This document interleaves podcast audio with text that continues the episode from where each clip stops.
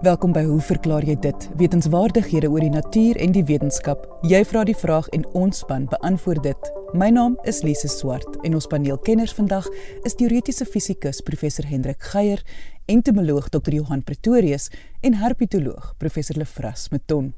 Onthou as jy 'n vraag het, stuur jou e-pos na lise, dit is L I S E by rsg.co.za.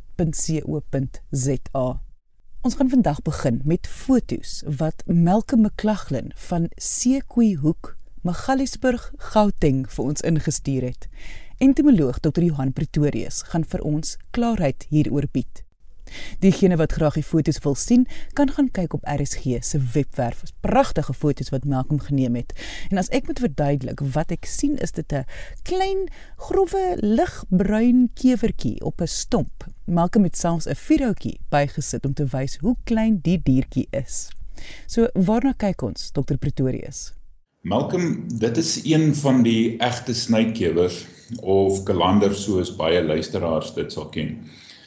Dit sluit nou in al daai kewers wat tot die familie Curculionidae behoort en Malcolm se kewer spesifiek is een van die sogenaamde growwe patat snykewers. Maar net vinnig iets oor snykewers in die algemeen. Egte snykewers is een van die spesies rykste insekfamilies ter wêreld en per implikasie dan een van die spesies rykste dierefamilies. Lise, dit is moeilik om 'n presiese getal vir die aantal benaamde spesies in hierdie groep of familie te gee omdat daar nog nie ooreenstemming is oor wat presies die taksonomiese grense van hierdie familie behels nie. So dit kan enige iets van 50 tot amper 90000 spesies wees. En om dit in perspektief te plaas, is dit so 'n omgewing van 8 tot 12 keer meer as al die soogdierspesies net in hierdie enkele kewerfamilie.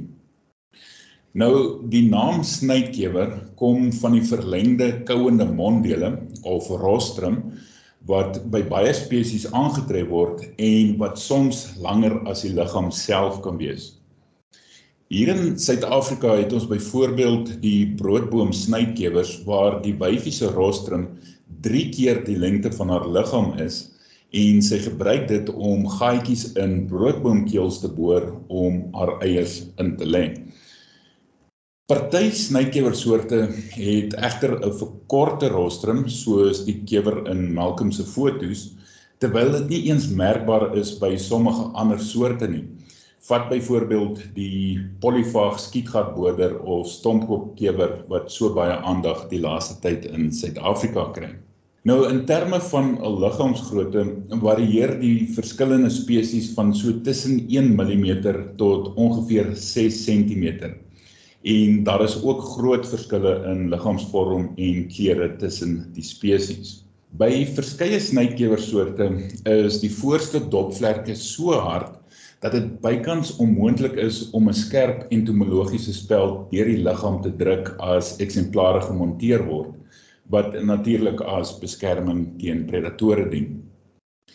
Een van die eienaardige gewoontes van sommige snytkewersoorte is hul vermoë om in 'n soort van skyndood te gaan as hulle bedreig word. Hulle sal letterlik op die plek omkap en later weer bykom maar sal dadelik weer doodspeel as dit weer versteur sou word.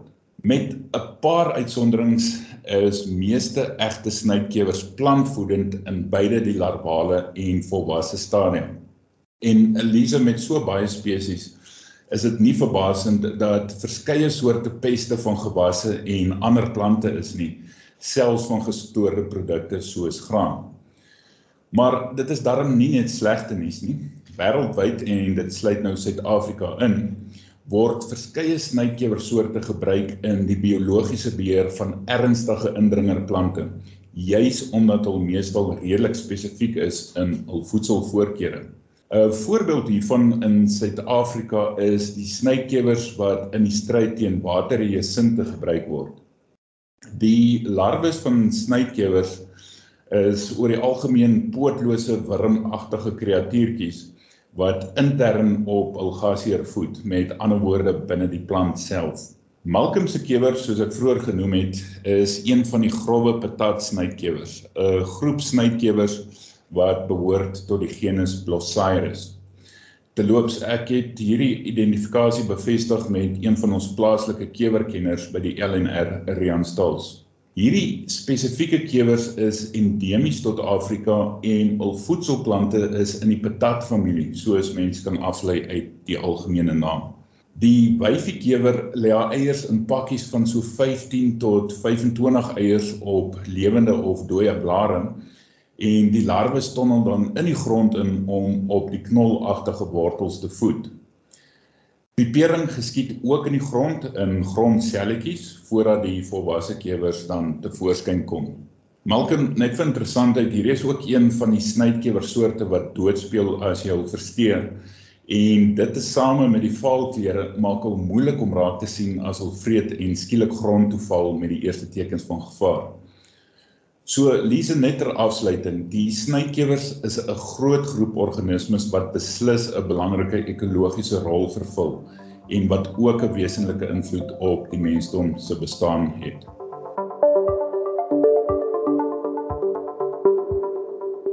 En dit was entomoloog Dr. Johan Pretorius.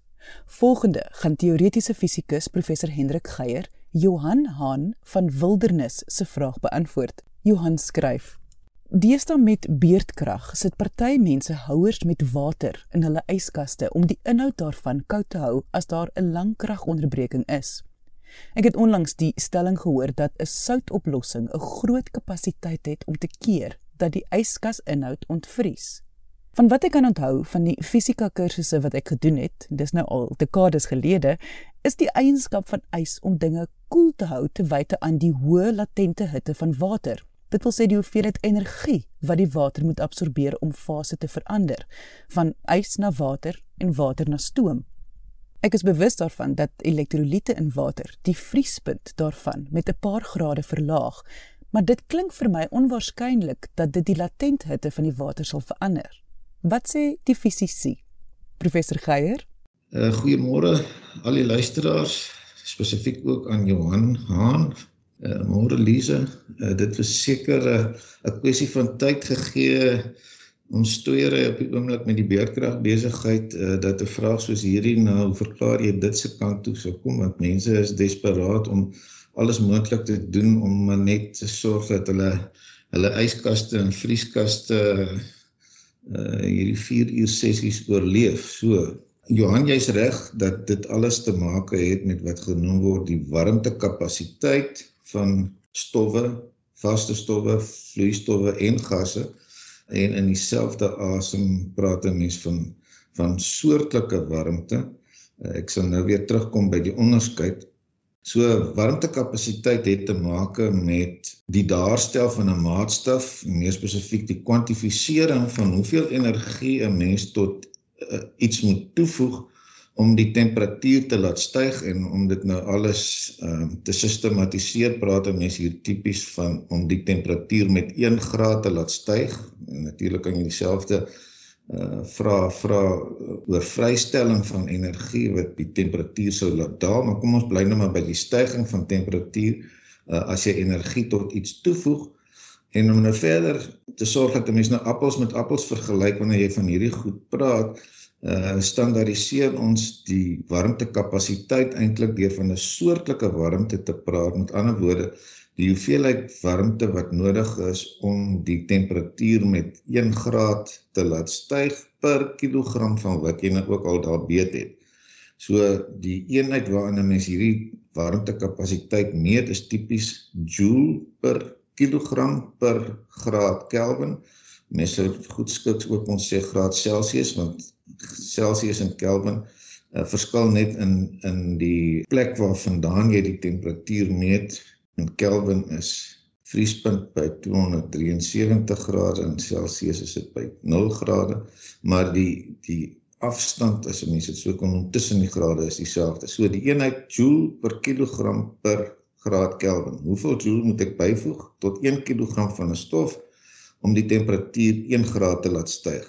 Nou kom is water uh hoegenaamd hier ter sprake wel water uh is die een stof so, so kan stel wat 'n besonder hoë warmtekapasiteit het mens moet 4,184, sê maar 4,2 kJ byvoeg by 1 kg water om dit met 1 graad te laat styg. Dis nou by 20 grade. Terloops ek moet miskien hier net sê 'n warmtekapasiteit is 'n funksie van dinge soos temperatuur en druk, maar binne kleinerige variasies in temperatuur en druk is is dit vir alle praktiese doeleindes konstant. So ons hoef nou nie daaraan aandag te gee nie.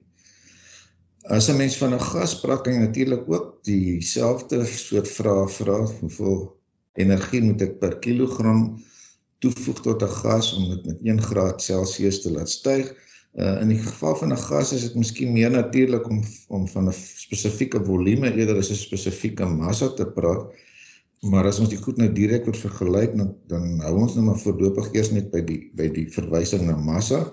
En as ons nou die situasie vergelyk in die vrieskas waar daar nou 'n sê maar 'n 'n 2 liter melkbottel met gevriesde water wat ys is lê vergeleke met wanneer hy nie daar is nie, moet ons nou vra hoe gaan hierdie vrieskas reageer wanneer die stuk ys daar lê vergeleke met wanneer hy nie daar is nie? Met ander woorde wanneer daar nou net lug is. Ons neem nou aan jy het plek vir die bottel daar in jou vrieskas natuurlik so wat ons moet vergelyk is in die geval van water 4200 joule moet toegevoeg word tot 1 kg en vir alle praktiese doeleindes is so 2 liter melkbottel se massa omtrent 2 kg Die moet ons nou vergelyk met die hoeveelheid energie wat tot lug toegevoeg sou word en vra of dit nou of die temperatuur van die lug vinniger of tot 'n groter mate gaan toeneem.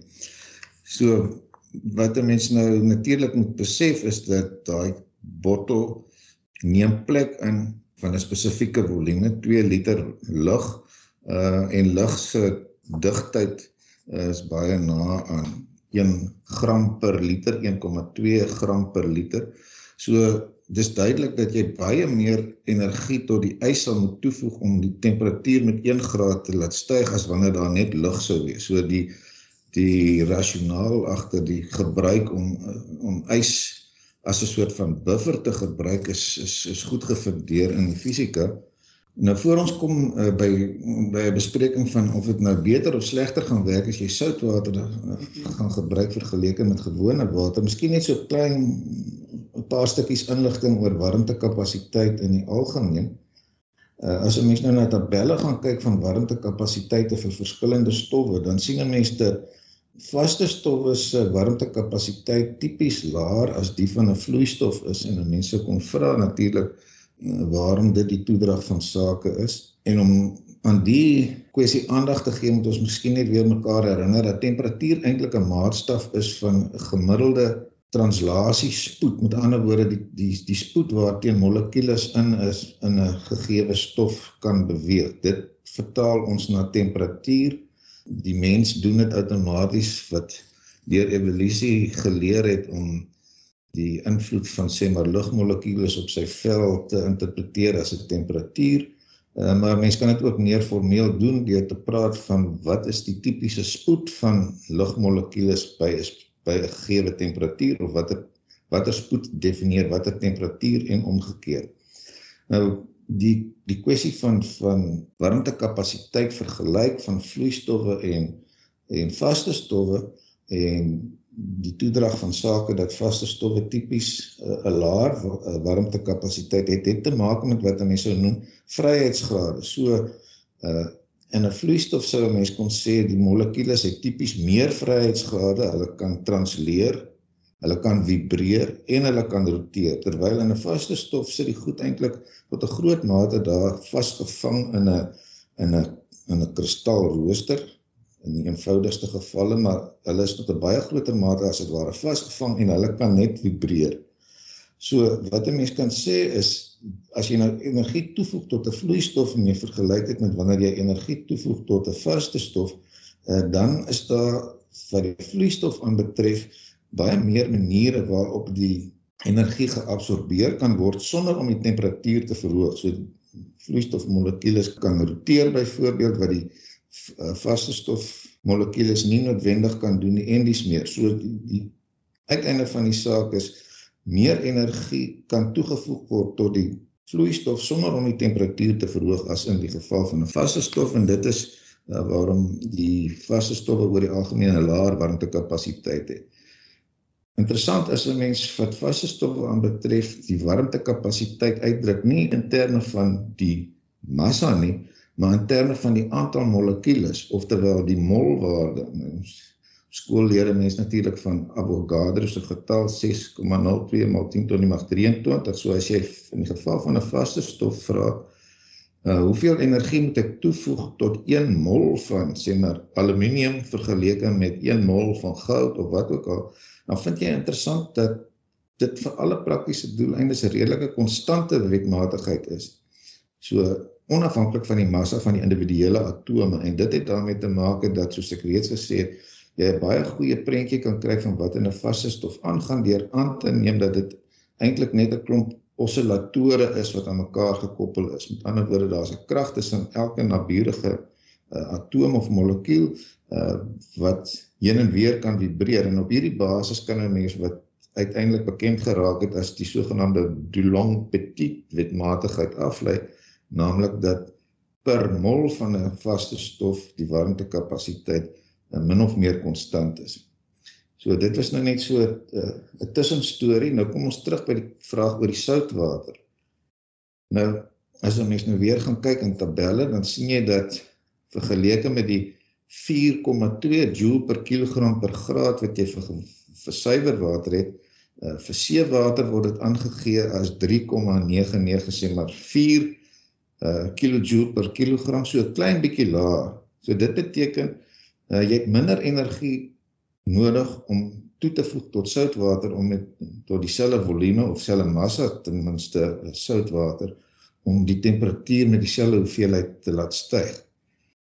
En 'n mens kan op 'n redelik eenvoudige manier verstaan hoekom sout hierdie effek sou hê want onthou sout natriumkloried in oplossing beteken die positiewe natriumione en die negatiewe kloorione word geskei Water op sigself soos ons in die verlede al gesê het, kan 'n mens goed aan dink aan so 'n tipiese Mickey Mouse gesig met die suurstofatoom, die gesig en die twee ore, die twee waterstowwe wat daar sit. En aan die ore kant is die ding 'n klein bietjie meer positief en aan die gesigkant 'n klein bietjie negatief. So as hierdie watermolekules nou onderskeidelik natrium ione en kloor ione omring, dan vorm hulle as dit ware so 'n kringetjie om die goed in die geval van die natrium wat positief is, wys die gesiggies wat negatief is van die watermolekules na die natrium toe en aan die buitekant het jy 'n ry of 'n ring van ore en net mooi omgekeerd in die geval van kloor, daar sit die ore na die binnekant toe en die gesiggies na die buitekant toe.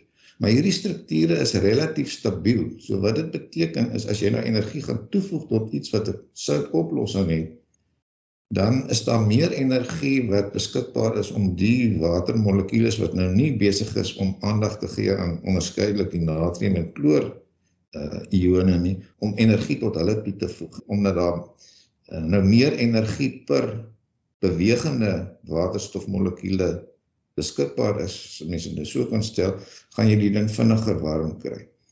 So ek is bevrees uh Johan ek weet nie, nie presies waar die die ding vandaan gekom het dat dat soutwater beter gaan werk as 'n buffer in jou vrieskas nie.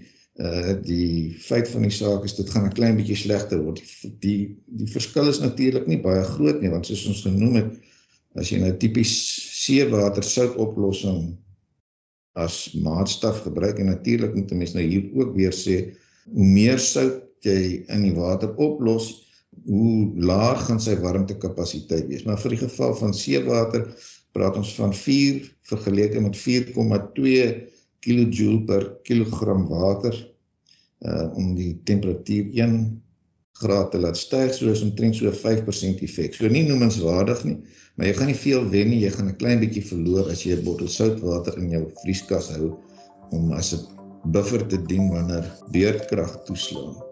En dit was teoretiese fisikus professor Hendrik Geier. Ons kitsvraag word deur herpetoloog professor Lefras Meton beantwoord. Onlangs was daar verskeie berigte in die koerante oor haai karkasse wat by Pearly Beach uitgespoel het na vermoedelike orka aanvalle op hulle. Interessant was dat in die meeste gevalle die orkas net die lewers van die haie geëet het. So uit die aard van die saak wonder 'n mens dan nou hoekom die orkas so lekker bekkig was. Orkas staan ook bekend as moordvisse of ook moordwalvisse, seker na aanleiding van die Engelse benaming uh killer whale. Beide hierdie name is misleidend want die orka is beslis nie 'n vis nie, dit is 'n soogdier en dit is streng gesproke ook nie 'n walvis nie, maar 'n dolfyn. Nou hierdie imposante swart en wit gekleurde seedier is nie net die grootste van die dolfyne nie, tot 8 meter lank en etlike ton in gewig. Dit is ook die top roofdier in die see. Met ander woorde, dit het self geen vyande nie. Nou, hoekom eet hulle dan nou of hoekom hou hulle van haai lewer? Uh ons weet moderne visse besit swemblase wat hulle met lug kan vul om hul dryfvermoë te beheer. Haie egter het nie swemblase nie. Hulle gebruik hulle lewers vir hierdie doel. Die lewer is nie net relatief baie groot nie, maar bevat ook groot hoeveelhede olie wat bekend staan as haai lewerolie. Olie is natuurlik minder dig as water en die lewer met sy groot hoeveelheid olie speel dan nou dieselfde rol as die swemblaas by visse deurdat dit die dryfvermoë van die haie verbeter. Die olie is 'n uitstekende energiebron vir die orkas. En natuurlik bevat die lewer ook 'n hele aantal ander uh, nuttige voedingsstowwe wat die, die lewer dan nou sommer 'n baie lonende voedselitem maak. Orcas gebruik 'n baie interessante tegniek om haie te immobiliseer sodat hulle die lewer kan uitbyt uh, sonder dat hulle dan nou self in gevaar gestel word want 'n haai is ook mos maar 'n moeilike ding. Met 'n behendige beweging word die haai vinnig omgedop sodat die maag na bo wys. Die haai val dan onmiddellik in 'n diep slaap, 'n verskynsel wat as toniese immobiliteit bekend staan. En dit kan tot 15 minute lank aan hierdie toestand van slaap verkeer, genoeg tyd vir die orka om dan die lewer en soms ook ander organe te verwyder. Nou ek dink die haai sal ooit weer wakker word. Uh die orkas wat gereeld langs ons suidkus opgemerk word, teiken verskillende haai soorte, insluitende die groot wit haai wat natuurlik 'n bedreigde spesies is. As 'n mens na die orka spesies in die breë kyk, is daar 'n wye reeks prooi op sy spyskaart: seekatte, inkvisse, visse, robbe, seeleeu's, dolfyne, haie, roe, walvisse, seevoëls en nog 'n hele paar ander seker. Familiegroepe eh, van die hoogs intelligente orka is egter geneig om op spesifieke prooi spesies te spesialiseer en aangeleerde vangtegnieke en voedselvoorkeure word dan nou van generasie tot generasie oorgedra in hierdie familiegroepe. Of die twee orkas wat einde Februarie langs die suidkus waargeneem is, nou net haai lewers eet, is moeilik om te sê. In een geval was die maag van die van die uitgespoelde haai karkas ook weg en in 'n ander geval die haai se kop kop ook. So dit lyk of hulle dan ander goed ook eet behalwe as die as as die lewer of hulle dan nou nog ander prooi in die see geëet het, dit sal ons nou nie weet nie. En dit was herpetoloog professor Lefras Meton. Tot volgende week hier op RSG saam met my Lise Swart. Totsiens.